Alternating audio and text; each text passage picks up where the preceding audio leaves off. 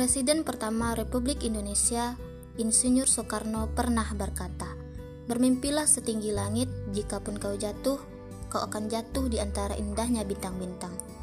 Assalamualaikum warahmatullahi wabarakatuh. Perkenalkan, saya Yunita, founder menulis bareng YN, dan saat ini masih menempuh pendidikan di UIN Imam Munjal Padang.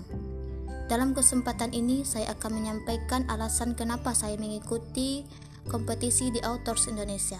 Ada beberapa alasan. Yang pertama, mimpi. Mimpi saya menjadi seorang penulis yang terkenal dan memiliki karya yang bestseller dan bermanfaat bagi banyak orang. Yang kedua, belajar dari orang yang sukses. Karena saya tahu di mana posisi saya saat ini, maka saya perlu belajar dari orang-orang yang telah sukses. Yang ketiga, berkompetisi. Agar saya tahu kekurangan dan kelebihan saya dalam dunia kepenulisan dan yang keempat personal branding.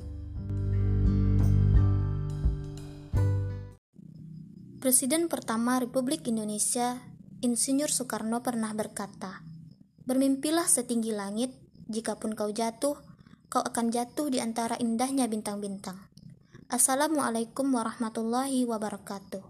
Perkenalkan, saya Yunita, founder menulis bareng YN, dan saat ini masih menempuh pendidikan di UIN Imam Menjel Padang. Dalam kesempatan ini, saya akan menyampaikan alasan kenapa saya mengikuti di Outdoors Indonesia. Yang pertama, mimpi.